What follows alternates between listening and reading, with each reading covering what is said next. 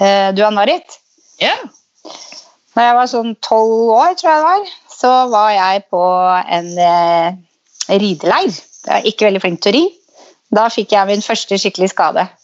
For da skulle jeg tøffe meg for gutta som var på den rideleiren. Så ridde vi barbakk, to på hesteryggen. Jeg hadde en gutt bak meg og ga bånn galopp på beite uten å være god. Og så sier han lille gutten bak meg at jeg holder, jeg holder på å dette ned. Så sa jeg, men bare hold tak i meg, du. Og så, da hang han over sida, så han tok tak i meg, dreiv seg opp og reiv meg under hesten, så jeg ble kasta av. Oi. Og da, skjønner du, landa jeg på armen. Så jeg brakk det beinet som går det største beinet som går inn til albuen. Og måtte på sykehuset da og ble operert og sånn. Og da gikk jeg med gips i seks uker. Blei sendt hjem. Jeg fikk vært fem dager av 14 dager på Ridline. blei sendt hjem. og, og når de skulle fjerne gipsen min, så sa de på Aker sykehus at jøss, du skulle ikke vært gipsa så lenge. Leddet ditt kom ut til å være helt stivt. Og det var det. Og det var første gang jeg måtte gå og ta behandling. Da gikk jeg et år, og jeg kunne faktisk ikke rette ut albuen. Den sto i en sånn 90 graders vinkel. Er det sant? Det er sant. Et helt år gikk jeg to ganger i uka og fikk massasje og ja. Så, Men du er helt frisk i dag, liksom? Du har ikke noe varig men eller noe sånt? mm, jeg, kan, jeg får ikke bøyd albuen helt opp, og så får jeg strekt den altfor langt ut. Så det, er en sånn liten sånn feil. Liten liten skavank. Ja, jeg kan vise deg med T-skjorte en gang, skal du få se. Ja, gjør det. Men det har gått bra. altså. Jeg har liksom ikke merka noe særlig til det. Men hadde jeg ikke gått og fått behandling, så hadde jeg jo ikke kunnet rette av armen i det hele tatt. Nei, det er godt vi kan Så- eh, gå til sånne og fikse kroppen. Ja, Mhm. Ja, velkommen Og til ridd Hår... har jeg ikke gjort siden den gang.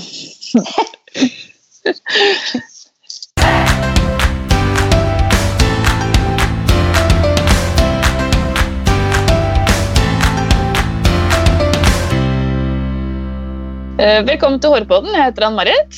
Jeg heter Renate. Ja, hvordan har din uke vært, Renate? Du, den har vært kjempefin. Det er fullt rush på jobb. Veldig deilig. Sykler til og fra. Koser meg med kollegaene mine. Nei, det har vært bare super, super. Og det er kjempedeilig å være i gang igjen. Mm, Det, jeg er ikke skapt til å være bura inne sånn for lenge. Nei, jeg tror ingen der. Nei. Og din uke, da? Jo, jeg jobba jo på lørdag. Det var jo i går. Mm. Og da hadde jeg sånn Jeg følte alle kundene jeg hadde, skulle ha en sånn helforandring. Å, så gøy. Ja, det var kjempegøy. Det tar jo alltid litt lengre tid, da, så jeg hang jo bakpå sånn hele dagen. Men eh, kjempegøy. Og så var det sånn, Den første kunden jeg hadde, det var en jente på ti år. Og så var det jo mor og datter litt sånn i konflikt om hvor mye som skulle tas. Datteren hadde veldig lyst til å klippe mye mer, og det ville ikke mammaen. da. Så jeg var litt sånn der Ja, du skjønner problemstillingen, ikke sant? ja. Så det blir jo, jeg vil jo ikke bli uvenn med mammaen, så jeg eh, klippa det hun ville, da. Og det er selvfølgelig ikke bra, og ringte etterpå og sa at eh, datteren var fornøyd, da, så det var hyggelig. Og så var det Så bra. siste, siste kunden, da. Der var det totalt omvendt. Det var også en jente på åtte år med hår litt om- ned på skuldrene. Og så sier hun at det bildet da, hun skulle vise meg, og så viser hun bildet av hun fra Harry Potter, Emma Winston. Ja. Det helt korteste. ja. Ja, og da blir det sånn Er du sikker på at du skal klippe det så kort? Da var, hun var breddsikker nå hun lei av hele håret og var kjempefornøyd og var, ferdig til slutt. Og ble jo så fin! Lille, nydelig jente med så kort hår. Så det var en opplevelsesrik dag, vil jeg Ja. si. Ja. Det er deilig å jobbe litt med saks og kam igjen. ja, det er det. Virkelig. Vi har med oss en gjest på Skype som vanlig. Det har vi. Ja. Ehm, å være frisør kan være, som de fleste av oss vet, en tung belastning på kroppen. Mye statisk arbeid kan gå både utover eh, skuldre, rygg og andre steder på kroppen. I dag vil jeg kaste lys på denne proble- problemstillingen og snakke med en mann som er kiropraktor, massør.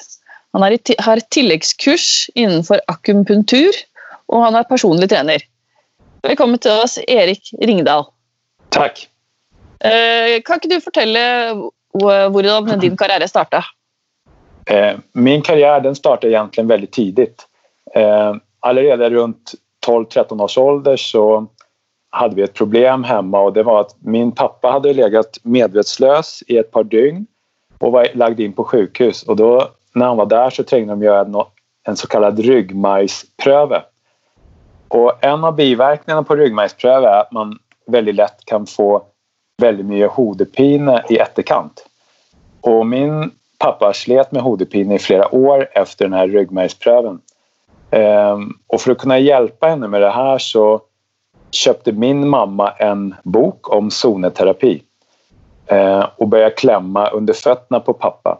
Och när jag såg att det faktiskt virket det fick honom till att slappa av och hans hodepine blev mycket mindre så blev jag själv intresserad och då läste jag den samma boken och började försöka att trycka och klämma lite själv jag också. Ehm, så det var liksom starten, men det här var ju parallellt med vanlig skolgång. Men sen när jag var färdig på skolan och blev 18 år då bestämde jag mig för att liksom ta det ett steg vidare. Och då gick jag en kort kurs inom zoneterapi själv. Jag vill inte kalla mig för zoneterapeut men jag har basiskunskaperna inom zoneterapi.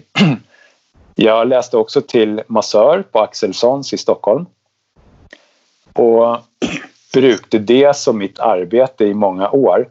Ehm, och då jobbar jag med idrottsklubbar, jag jobbar på hoteller ehm, och, och så jobbar jag med en frisörsalong. Och det var lite grej.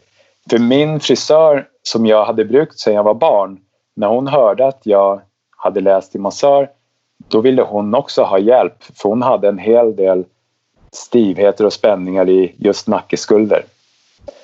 Så då gjorde vi så här att hemma hos henne så satte vi upp en bänk och så kom hennes frisörkollegor hem till henne och så hade vi behandling där. Så medan jag behandlade den ena så satt de andra och drack kaffe och spiste kakor och sen så var det nästa stur.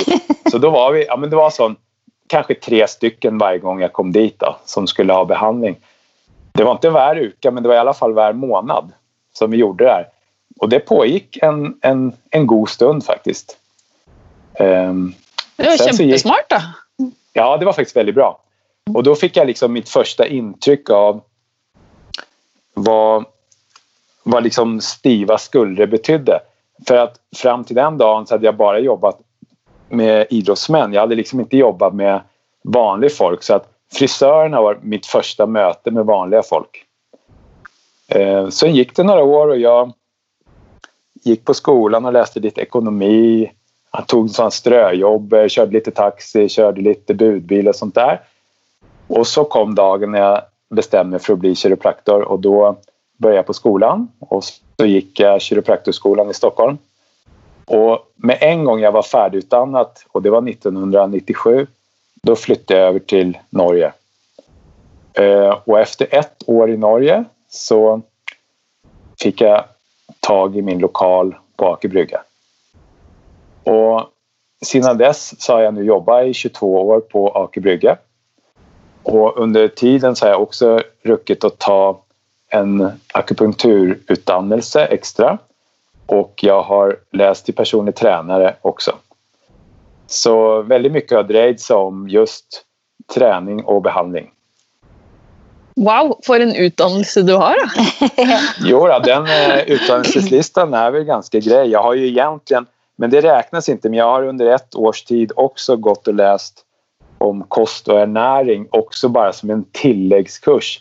Jag är inte någon ernäringsfysiolog och jag har inte god nog kunskaper men jag har basiskunskaper till att kunna hjälpa en, en idrottsman eller en vanlig vem som helst som har lust att bara pynta lite på kosthållet sitt. Mm.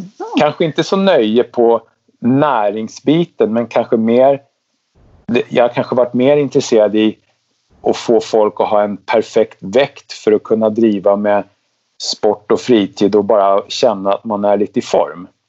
Ehm, det är det vi kallar basiskunskaper. Mm. Okay. Jag blir lite nysgjerrig, för att du har tagit biutdannelse. Är, är det för att när du går det så føler du att det burde jeg visst mer om, eller du har lust til liksom ha det hela bildet av kroppen? Är det där, därför? Det är egentligen den att ju mer du läser, ju mer känner du hur lite du kan om allting och då blir du intresserad. Jag har alltid varit väldigt intresserad i att lära mycket om kroppen. Och det har varit lite vanskligt för samtidigt så liker jag inte att gå på skolan för jag synes skola är lite tungt. Och som gutt, jag är väldigt, jag är väldigt praktiskt lagd. Eh, jag eh, synes kanske att det är mer digg att stå och jobba med folk än att läsa på skolan. Men man må ju liksom få en slags röd tråd i vad man håller på med. Så då har jag tvingat mig själv till att gå en massa utdannelser även om inte det har varit det jag helst ville. Då. Men jag ville ha kunskapen. Om ni känner. Jag känner. Ja. Er det sånn at eh, vi frisører er mer utsatt enn andre yrker? Eh, Det är helt klart så att frisöryrket är väldigt hårt för ni, ni ska hålla armarna upp i en viss vinkel där ni fort kan ha albuer som är horisontella och det kräver en viss styrka i både ax- alltså skuldermuskulatur och nackemuskulatur. Och att klara av att hålla upp en arm utan att spännas i nacken är väldigt vanskligt. Därför så vill ni vara utsatta för ökt spänning i nacken. Um, samtidigt så är det klart att i och med att ni beväger er och har en variation i ert bevegelsesmönster så vill ju det hjälpa er till att likväl kunna fungera ganska gott. Men ni vill ju bli extra utsatta om ni plötsligt har samma typ av behandling en efter en efter en hela tiden. Eh, och visst ni plötsligt jobbar lite övertid och ska pröva, pröva att vara som flinka när det är eh, högtrafik och högtider. Eh, det, kan, det kan kosta er dyrt egentligen för det är då man ofta drar på sig smärta och spänning när man gör någonting mer än det man är van vid. Så jag hade ju ideellt sett tänkt att visst ni kunde variera er mellan att ha en dameklipp och en herreklipp och en barbering och så vidare. Att man får variation så ville det hjälpa er i, i, deras yrke. Då. Men når er liksom Når, når på, kjenner vi på kroppen at det nå har gått for langt, liksom? Når skal man ta de signalene?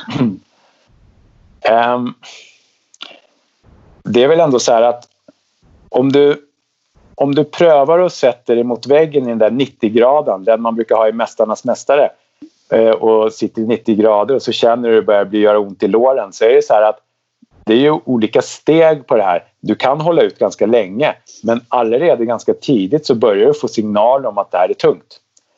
Och när du jobbar och ska gå åtta timmar varje dag på jobben så är det så här att det, det är ett stort problem om du allerede vid lunchtid börjar följa att det börjar bli tungt.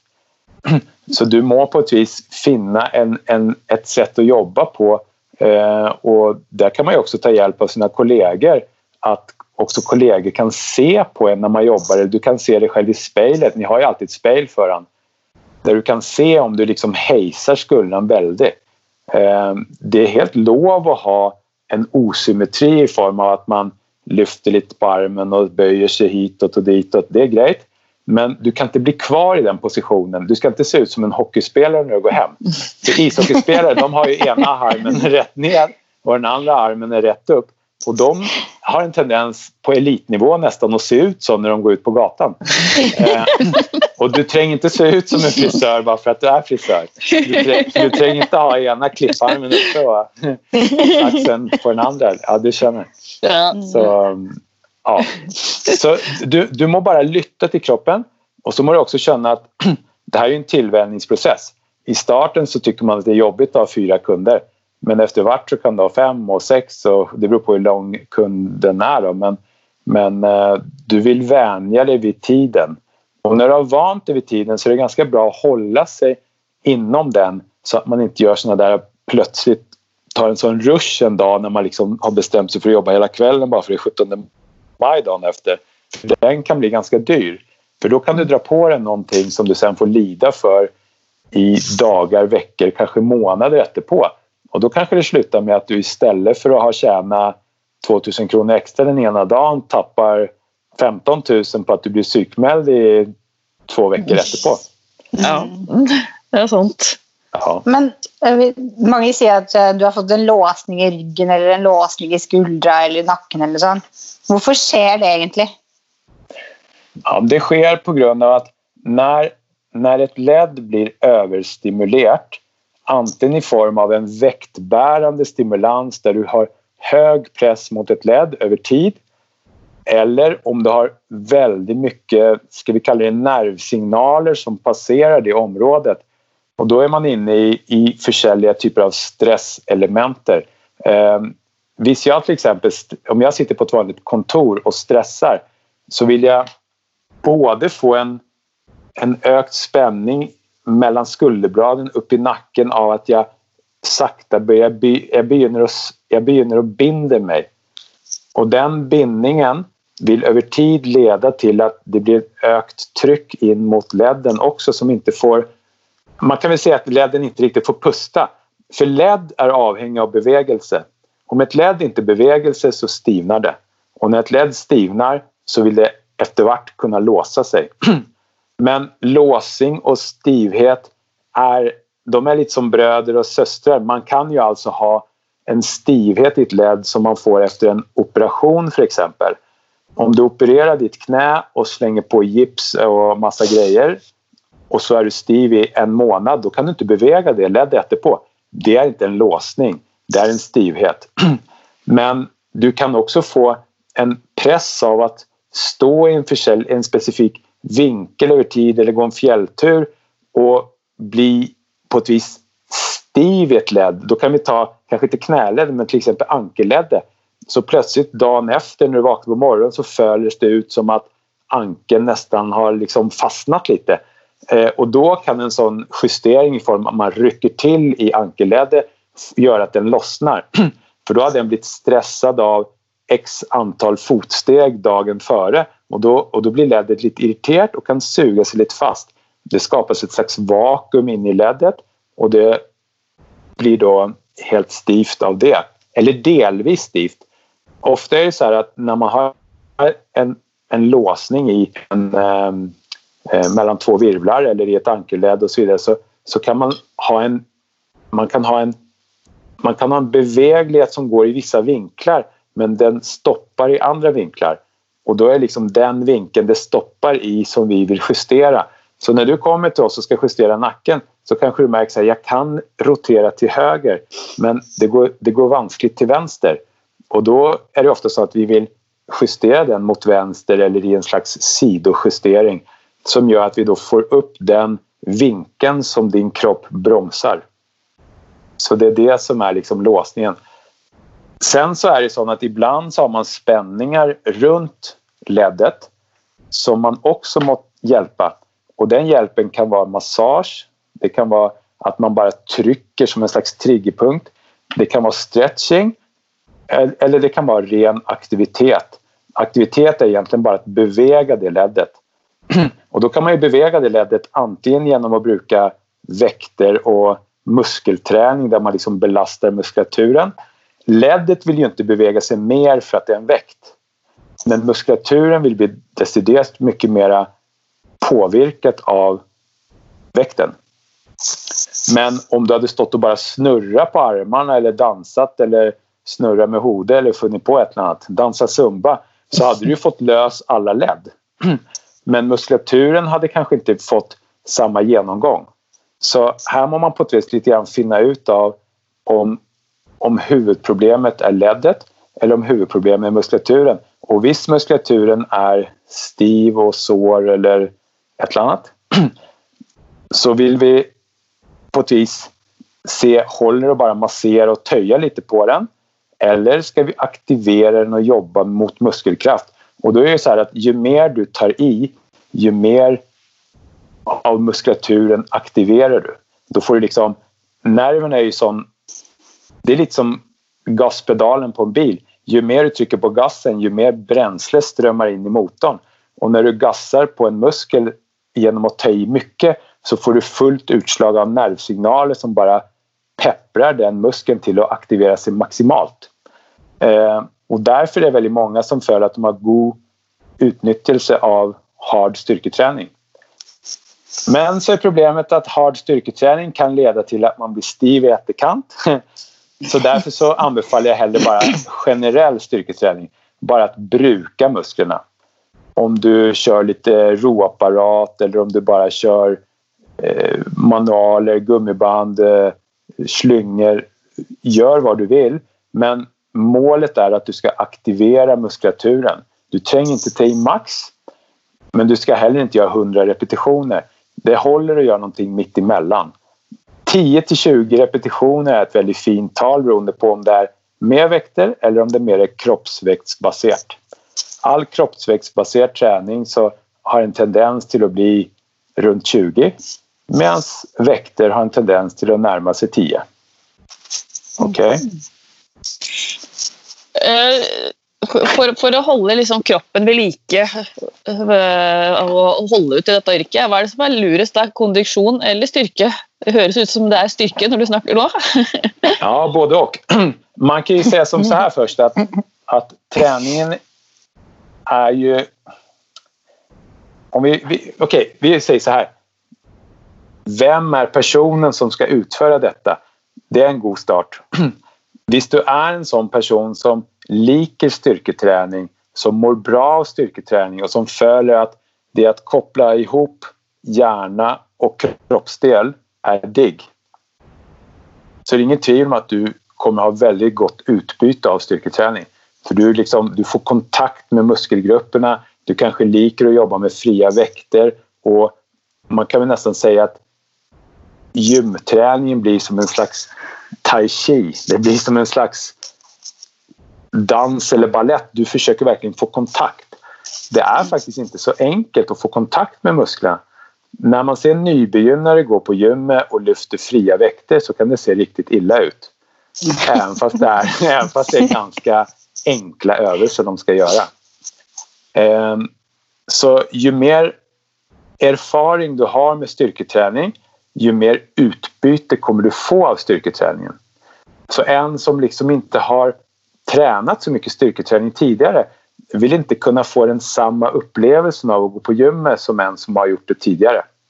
Eh, och en person då som kanske är en joggare vill ju kunna på samma vis känna den här avslappningen och som joggar om man säger så här, om du är en sån joggare som joggar med hela kroppen, alltså du verkligen du har ett ganska gott löpsteg, du beväger armarna, du beväger skuldrorna, du har ett aktivt löpesätt.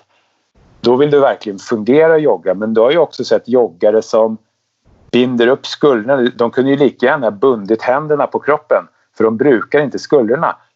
De joggarna kan inte jag se ha något utbyte av nacke och muskelspänning. Alltså muskelspänning i nacken vill inte fungera med den typen av joggmetod. Så man må lite grann se an vem du är. Men som, som personlig tränare så vill jag ta den rollen och säga att det är som, det är som en kostcirkel. Man tränger lite av allting. Mm.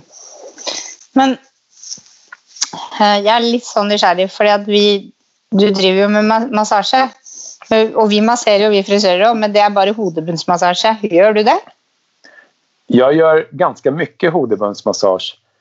Hode, hodebundsmassagen är ju egentligen någonting som är väldigt liksom anerkänt i Indien.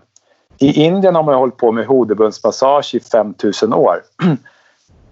Hodet är konstruerat så att håret växer runt som en cirkel runt. När man ser ut som en sån eh, munk med inget hår på toppen, där har du muskulaturen, den går runt. Så muskulaturen går från längst bak i nacken upp på sidorna, tinningarna och sen ögonbrynen, våra ögonbryn växer inte ihop då, men det gör det på någon. Men, men, eh, men där har du också lite hår. Så här har man muskulaturen. Du rynkar ju pannan för det sitter muskler i pannan. Och pannan den ingår ju också i mimiken. Mimiken betyder ju att man beväger ansiktsmusklerna för att kunna visa vad man följer, hur man mår, vad man menar och tycker. Det är ju en del i ditt sätt att visa omvärlden vad du följer. Oavhängigt om du spiser en citron eller om du blir sint eller om du blir glad så vill du se det på ansiktsmimiken. Men eh, eh, sen har du också då ett, ett slags, en slags bindvävsdel uppe på toppen där det egentligen inte är muskler men det är väldigt mycket akupunkturpunkter, triggerpunkter uppe på själva hodeskulden, på toppen. Då. Eh, och när man masserar det här så framförallt har det oerhört avslappnande effekt. De två kroppsdelar i kroppen som deciderat har bäst avslappnande effekt är ju hode och fötter. Det är där du kan få folk till att verkligen slappna av. och massagen av hodet kan också... Den går, i, den går i två delar egentligen. För den ena är den aktiva massagen där du brukar fingertopparna och trycker ganska hårt in mot hodebön. Den massagen är ju den är verkligen som en massage. Det är liksom hårt. Sen har du den lätta formen för bara beröring som egentligen kan liknas vid om du hade berört någon på ryggen med en fjär. Och den är faktiskt när du bara beväger fingrarna genom håret och kanske bara touchar hodebun, Den har en sinnessjukt god avslappnande effekt. För fördelen mellan dem är att den sistnämnda, att bara beväga sig väldigt lätt i hodebun, den somnar du gärna av. Medan när du masserar hårt så gör det ont men den har en mera, en mera relaxerande effekt rent fysiologiskt. Så det är två försäljliga typer av infallsvinkel på det här. Ehm, och när man har spänningar i hodebön så då måste man huska på att de här spänningarna kan komma av eksem och utslätt. Alltså en, de kan komma av en kemisk påverkan. När du färvar håret på en kunde så kan det leda till irritation av hodebund som leder till spänningar i huden i hodebund. Eh, det är ju inte någon optimal situation. Eh, du, kan också, du kan ju också spänna dig i den här muskulaturen runt för i till exempel kävemuskulaturen. Om du är stressad eller har problem med tänderna så spänner du käven. Kävmuskulaturen startar ner från tänderna, den går upp till örat och så går den helt upp, helt upp i håret i den delen av hoden som kallas för, där, muskeln heter temporalis för att det är alltså tinningen på latin. Eh, den delen kan binda sig fruktligt hårt om du biter tänderna på natten. För du har ett par, tre muskler som jobbar aktivt när du biter ihop. En sitter inne i munnen en sitter utanpå käven och en sitter i tinningen. Alla de här musklerna vill kunna binda upp och då vill du kunna vara väldigt öm i sidan av hodebunden tinning så att säga. Men det är ju hår, växer ju hår där. är du en äldre människa så må man se upp för då kan du ha en sån eh, en, eh, en betännelse av blodkaren som går utanpå tinningen och det ska inte masseras. Därför har vi utdannelse som jobbar med det här, att vi liksom ser försel på det här. Sen så kan ju bara ren generell stress göra att du bara allmänt stramar ihop dig i hodebund på lik linje som du gör i nacke och skulder. Ehm, du tränger inte vara någon, något geni för att massera någon i hodebund. Det handlar ju mer om att bara inte lugga dem.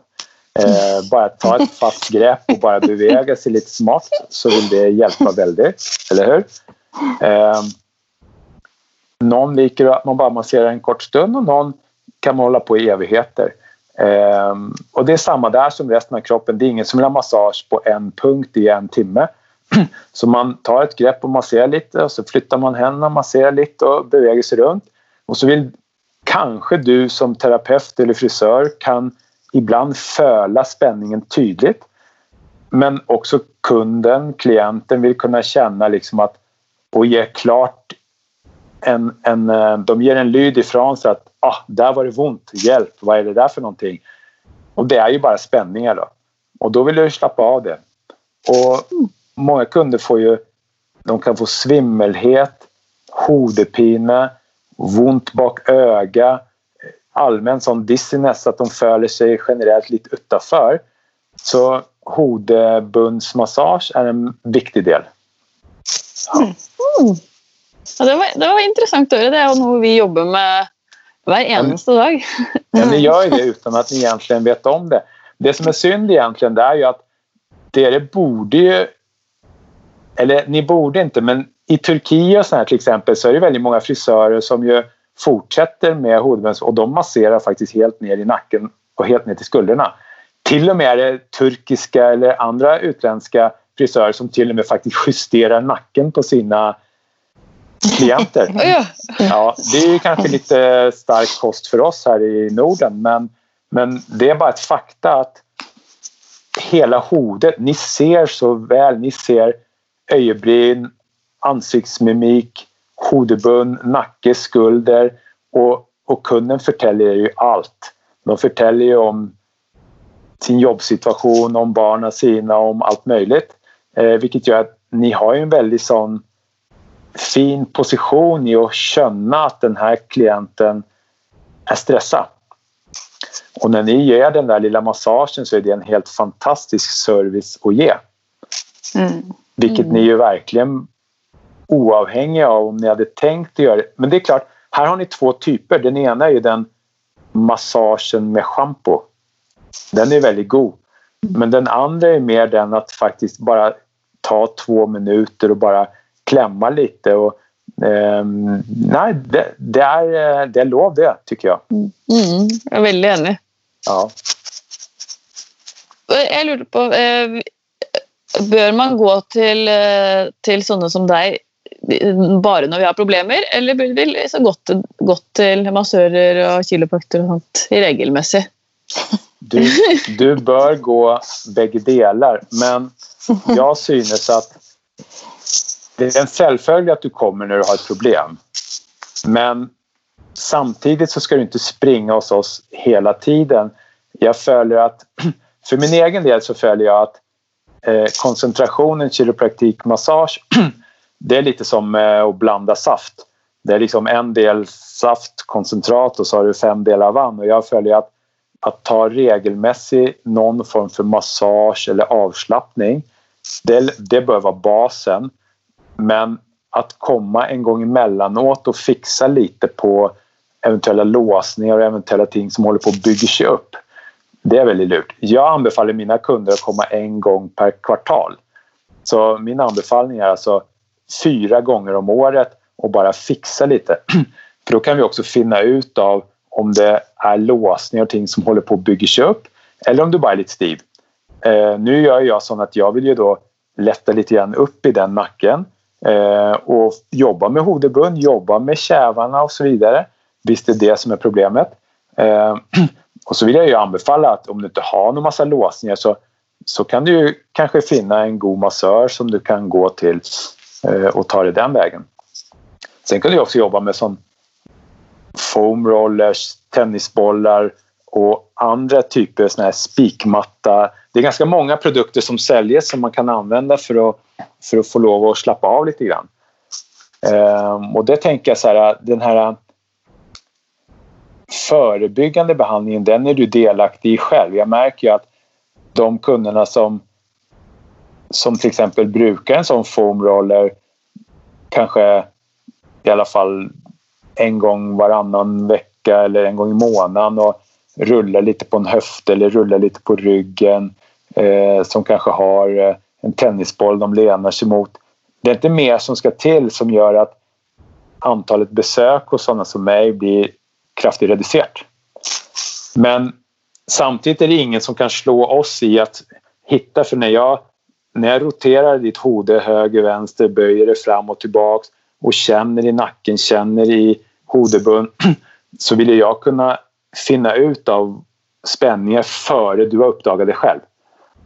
För kroppen är byggd så att den larmar bara så ordentligt när det verkligen är illa. Före det så är det mera din omgivning som märker att du, du beväger lite stivt. Om du driver med dans så vill din instruktör säga att ja, du, får inte mer, du får inte mer i skulden eller du får inte mer i hodet. Eh, du själv har inte ont. Du kanske märker att du börjar bli lite stiv. Men då har du redan blivit stiv om du känner. Mm. Så därför lönar det sig att komma med jämna mellanrum och bara fixa lite på kroppen. Mm. Jeg har faktisk en sånn når jeg, Hvis jeg sit- sitter og snakker med sidemannen, som sitter rett ved siden av meg, så er den ene sida den er skikkelig slitsom å sitte og snakke med. Hvis den andre sida, det går helt fint. Da Ja, burde jeg kanskje ha vært hos deg, for å si det sånn. ja det stämmer. Och det, där är, och, det där, och det där är ju väldigt vanligt, ett vanligt fenomen. Ja. För detsamma gäller det med hur folk ligger i sängen och sover. Ofta liker man ha hodet åt ena sidan men inte åt andra. Och, och som du säger, man sitter och pratar med folk eller när man kör bil och ska rygga så är det många som märker att, att det är vanskligt att rotera hodet och då, då har man byggt upp lite för mycket och då bör man ju ta en rond där man kan kanske knäcka upp, kanske massera, kanske töja, kanske lägga in lite mer övelser som är relevanta för nacken. Och då kanske du är den där personen som joggar men har inte jobbat med styrketräning och då kanske det är så att, att du borde göra lite styrketräning. Och hade du varit en svömmare och skulle kråla en, eh, en elitsvömmare kan ju självföljligt pusta bägge vägar. Eh, även han kanske har sin favoritsida, man kan ju det. Men vi vanliga såna här som eh, pustar vanligt som en fisk, som pustar på mitten. Vi, alltså, visst, vi, visst vi tvingar oss till att klara av en bevägelse då vill vi också, då vill vi också känna att vi inte har den. Så när vi inte gör något som tränger en bevägelse så blir vi ganska ovetande om vår egen situation. Och det är också en av de grunderna till varför visst du en gång i veckan går på yoga och tränar så vill var uka ge dig en, en, eh, en, eh, en, en, en, säger man fingervisning i Norge? Det, det, det vill vara en pekpinne för dig själv som visar att du har normal beveglighet i höfter, lår, rygg, skulder, nacke. För ofta så har de ett och samma program som går runt och ni ska igenom hela den rundan. Så när du har varit på sommarferie och varit åtta veckor i eh, Thailand det var väldigt lång sommarferie. Då, när du kommer hem och ska begynna igen efter sommarferien på yoga så kommer du märka att det går väldigt trått i starten. Då är det så här att ja, det var så stivt att böja sig den vägen. Eh, så en av anbefallningarna till varför folk borde vara mer aktiva med generell träning är just att det ger dig grundlag till att uppdaga när kroppen plötsligt inte fungerar. För de som kund sitter i soffan och ser på TV de har ingen möjlighet att uppdaga någonting för det krävs ingenting av att kunna sitta där. Om ni känner. Mm, ja. jag känner. ja.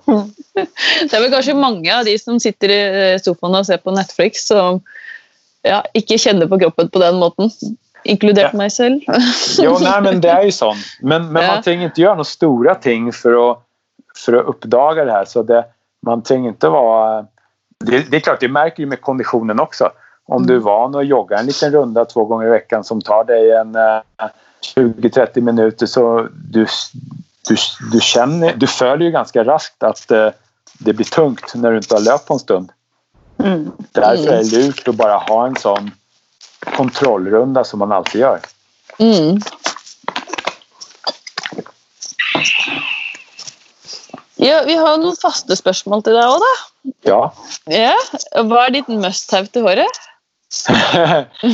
ja, jag är gutta, men jag, jag måste ha... För att få den här fantastiska frisyren på plats så måste jag ha lite sån där äh, vax. Ah. Det är viktigt. För annars så blåser mina tre hårstrån till sidan. ja. Eh, och så må jag ärligt inrymma att jag är glad i balsam för jag synes att det följs lite mykare. Mm. Ja, för du har lite sån halvlångt hår? Ja. Ja. eller hade jag, ja, delvis. Ja. Men du har ju, du har ju den frisörslagen som du har vägg i vägg. Ja. Får, får du tips av dem? Jag får många goda tips. Jag får många goda tips av dem. Så det, ja, men det är gott jag, jag, jag, lyssnar, jag lyssnar till dem, deras goda tips. Ja. Mm. Eh, vad inspirerar dig? Eh, engagemang inspirerar mig. När folk är engagerade i någonting de liker så blir det automatiskt spännande. så det är inte så farligt vilket tema det är. Om de, är om de själv liker det de gör så blir det spännande för alla andra. Mm. Jag är enig i det. Mm. Ja. Och var är du om fem år? Ja, jag, jag har en liten dröm om att starta en liten, liten träningsstudio själv. Där jag kan mm. blanda behandling med träning och, och det är väl min eh, dröm då, tänker jag. Ah. Mm. Ja. Det låter spännande. Ja. Ja. Jag tror det kan bli bra. Ehm, även om jag har drivit för mig själv i väldigt länge nu så hade det varit göj som sagt att öka ut det lite grann och väva in just den träningsbiten lite grann och jag har väl eh, lite lust att väva in också lite som, lite som självförsvarsträning där då. För jag är lite upphängd i det för tiden. Men det høres veldig lurt ut. Det tror jeg mange kunne ha behov ja? Absolut. Väldigt världen, har kunna. blivit, världen har blivit osäkrare så det är gott att kunna bita ifrån sig bara lite grann och sen kan man löpa. ja, sant? Ja, exakt. Hvis noen har lyst til å komme og få behandling hos deg, hvor, eh, hvor tar de kontakt da? Då kan de gå in på min hemsida som är www.ablm.no eller .no som ni säger. Eh, Det är väl det lättaste för det är sån onlinebokning. Då är det bara att boka och där finns det koppling till att gå in på ehm, att man kan sända en mail då. Mail, allting står där. Så AB står för Aker Brygga och LM är ledmuskel. Så A- Aker Ah. Brygga led och muskelklinik. Så då blir det www.ablm.no. Ja, Perfekt. Men det, det var en veldig spennende og informativ episode, da, Erik. ja, jag hoppas att ni Ja. fick eh, lära er någonting nytt. Absolutt. Ja, absolutt. Eh, tusen takk for at du ville være med oss. Tack själv. Eh, og følg oss gjerne på sosiale medier. Det skal jeg gjøre. Så bra. Og så Og trykk gjerne på 'abonnerer' på iTunes. Da hadde vi blitt veldig glad. Ellers så høres vi jo neste uke. Takk for oss. Takk for oss.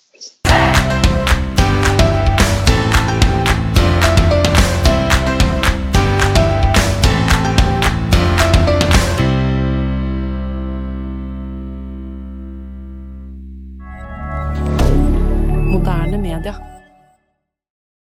Har du et enkeltpersonforetak eller en liten bedrift? Da er du sikkert lei av å høre meg snakke om hvor enkelt det er med kvitteringer og bilag i fiken, så vi eh, gir oss her, vi. Fordi vi liker enkelt. Fiken superenkelt regnskap.